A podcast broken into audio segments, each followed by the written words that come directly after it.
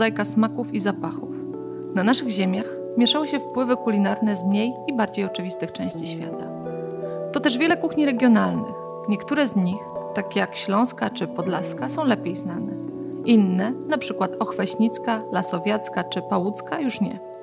Tak jak wspomniałam w poprzednim odcinku, ta seria podcastów będzie uzupełnieniem książki Tradycje kulinarne Polski, przede wszystkim w kontekście kuchni regionalnych. Zaczniemy od ochwaśnickiej kultury kulinarnej. Zanim jednak przejdę do potraw i przysmaków, należałoby wyjaśnić, kim byli ochwaśnicy. Nazwa ta pochodzi od zawodu określanego innym terminem obraźnik. To ludzie zajmujący się produkcją i sprzedażą obrazów oraz rycin o charakterze religijnym. W ich ofercie z czasem pojawiły się też inne dewocjonalia oraz medykamenty. Na początku XIX wieku w Skulsku powstała organizacja zrzeszająca malarzy świętych obrazów. Z czasem cała kultura rozszerzyła się także na okolice Ślesina. Ochweśnicy swoje towary sprzedawali nie tylko w regionie. Podróżowali po ziemiach centralnej i wschodniej Polski, a czasem nawet udawali się za granicę. W szczególności chętnie nawiedzali oni centra pielgrzymkowe oraz inne miejsca kultu. Sprzyjało temu położenie geograficzne. Obie miejscowości, które mogą się poszczycić długą historią, znajdowały się na szlaku bursztynowym czy późniejszym prowadzącym z Poznania do Lublina. Charakter ich pracy sprawił, że szybko wykształcili swój własny żargon nazywany kminą. Znalazły się w nim słowa z polskiego żargonu złodziejskiego, zawodowego ruskiego, a nawet wyrazy pochodzenia czeskiego.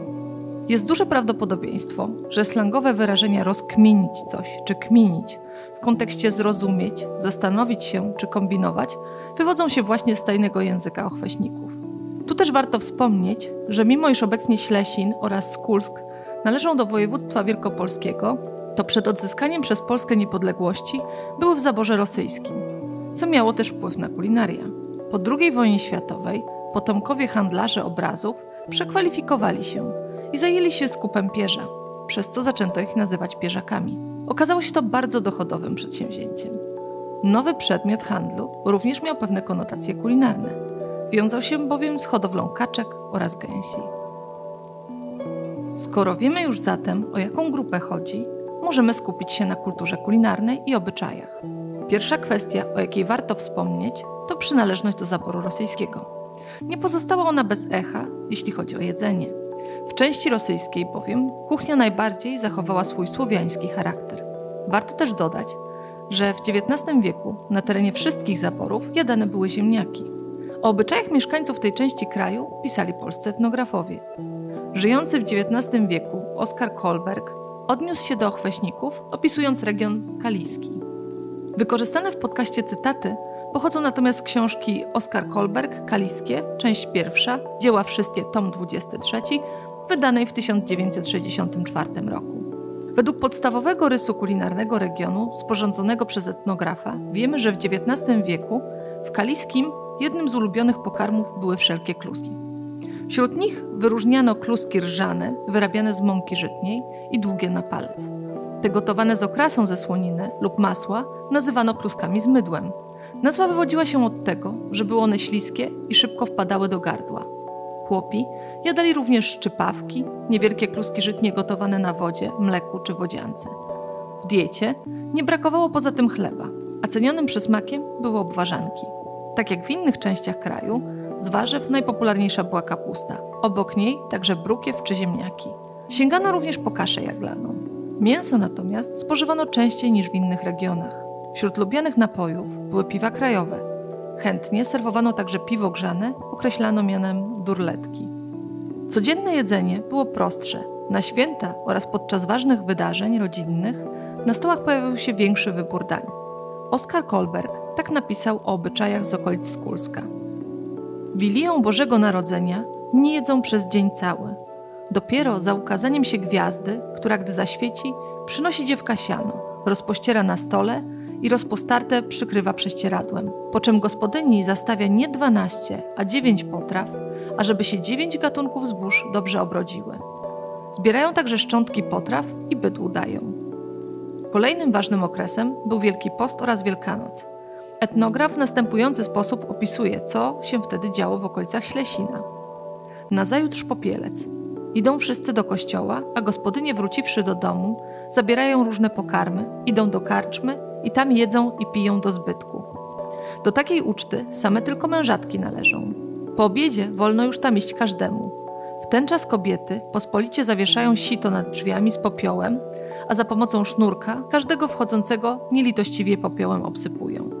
W tenże dzień, na wieczór, zarabiają gospodynie w domach kwasy na tak zwany żur i garnki z nim stawiają na przypiecek, pytając się go: A cóż to nam na przypiecku tąpa? Wstępna środa, żurowi uprząta. A jakże cię nie żałować, miły mięsopuście? Cztery szpery w grochu były, a piąta w kapuście. Czym jest wymieniana przez gospodynię w przyśpiewce szpera? To kawałek wędzonej lub smażonej słoniny, której zabraknie w kuchni przez najbliższe tygodnie. Trzeba tu też dodać, że dawniej podczas postu rezygnowano nie tylko z mięsa, ale również jaj i nabiału. Jedzenie od wieków stanowiło ważny element domowych uroczystości i wszelkich obrzędów przejścia. Kiedy na świat przychodziło dziecko, kobiety ze wsi odwiedzały młodą matkę i przynosiły jej różne przysmaki. Była to forma pomocy w tym trudnym momencie. Jak opisuje Kolberg w Skulsku, wyglądało to tak. Do położnicy schodzą się sąsiadki i kumoszki, przynosząc z sobą już to bochenek chleba lub bułki, serki krowie lub owcze, gomułki, mięso, drób, masło, krupy, jaja itd. Tak w darze, by w niemocy gospodyni ulżyć jej w gospodarstwie i same także przy jednym uraczyć się stole na popielinach, które następują po chrzcie w izbie położnicy – gdzie podają wówczas ciepłą strawę z czerniny i kapusty z grochem złożoną, którą jedząc obficie zakrapiają wódką na pomyślność nowonarodzonego i jego rodziców. Podczas oświadczyn natomiast pojawia się motyw gęsi. Kawaler wysyła swojego przyjaciela do domu wybranki, a ten się pyta jej rodziców, czy nie zakradła się do nich gąska siwo upierzona. Jeśli rodzina potencjalnej narzeczonej jest zainteresowana, wtedy odpowiada, że może jakaś się znajdzie. Gęś pojawi się później także na przyjęciu weselnym w postaci mięsa. Z jej krwi natomiast przygotowana zostanie czernina. Z jakich jeszcze dań słynie kuchnia ochweśnicka? W menu znajdziemy na przykład obsypunkę. Są to starte ziemniaki, cebula oraz przesmażony boczek, doprawione solą, pieprzem i majerankiem. Aby zagęścić masę, można dodać także bułkę tartą czy kaszę mannę. Następnie masą wypełnia się jelita i parzy w gorącej wodzie. Obsypunka jest nieco podobna do znanej na Podlasiu i w Białorusi kiszki ziemniaczanej i prawdopodobnie jest potrawą, której przepis został przywieziony na tereny regionu kaliskiego przez ochweśników z podróży na wschód. Ziemniaki wykorzystuje się również do przygotowania potrawy o nazwie pyrczok. Ją również robi się ze startych kartofli. Smak wzbogaca cebula oraz boczek. Masę przekłada się do formy lub naczynia żaroodpornego. Na wierzchu można ułożyć kawałki mięsa. Pyrczok piecze się w piekarniku. To proste, ale smaczne danie. Dużo zależy w nim od jakości i typu użytych ziemniaków.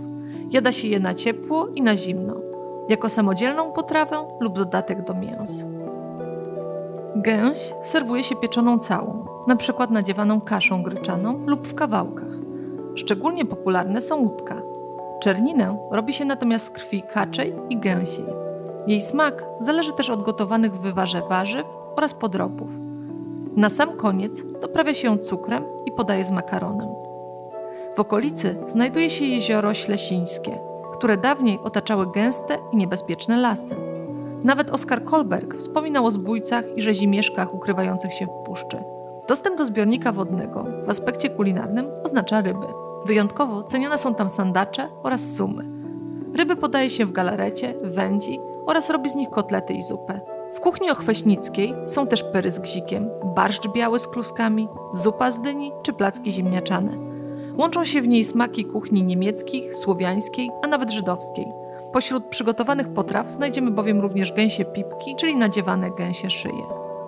Współcześnie tradycje kuchni ochweśnickiej kultywowane są przede wszystkim przez lokalne koła gospodyń. Według informacji zawartych w biuletynie Kuchnia Ochweśnicka produktem markowym gminy Ślesin można jej także spróbować w restauracjach i hotelach w Ślesinie. Od kilku lat miasto organizuje również jarmark ochweśnicki. Obsypunka, pyrczok, a może pieczona gęś nadziewana kaszą gryczaną. To dobry pomysł na obiad w domu. Sięgajmy po stare przepisy babci czy regionalne specjały. Odkrywajmy tradycje kulinarne Polski chociaż raz w tygodniu. To był drugi odcinek podcastu Kuchniokracja Polska od kuchni. Kolejny poświęcony będzie kuchni lasowiackiej. Więcej informacji o polskiej kulturze kulinarnej znajdziecie w mojej książce Tradycje kulinarne Polski. Dostępna jest ona w wersji drukowanej w dobrych księgarniach, a także w formie bezpłatnego e-booka, którego można pobrać ze strony Fundacji Punkatura.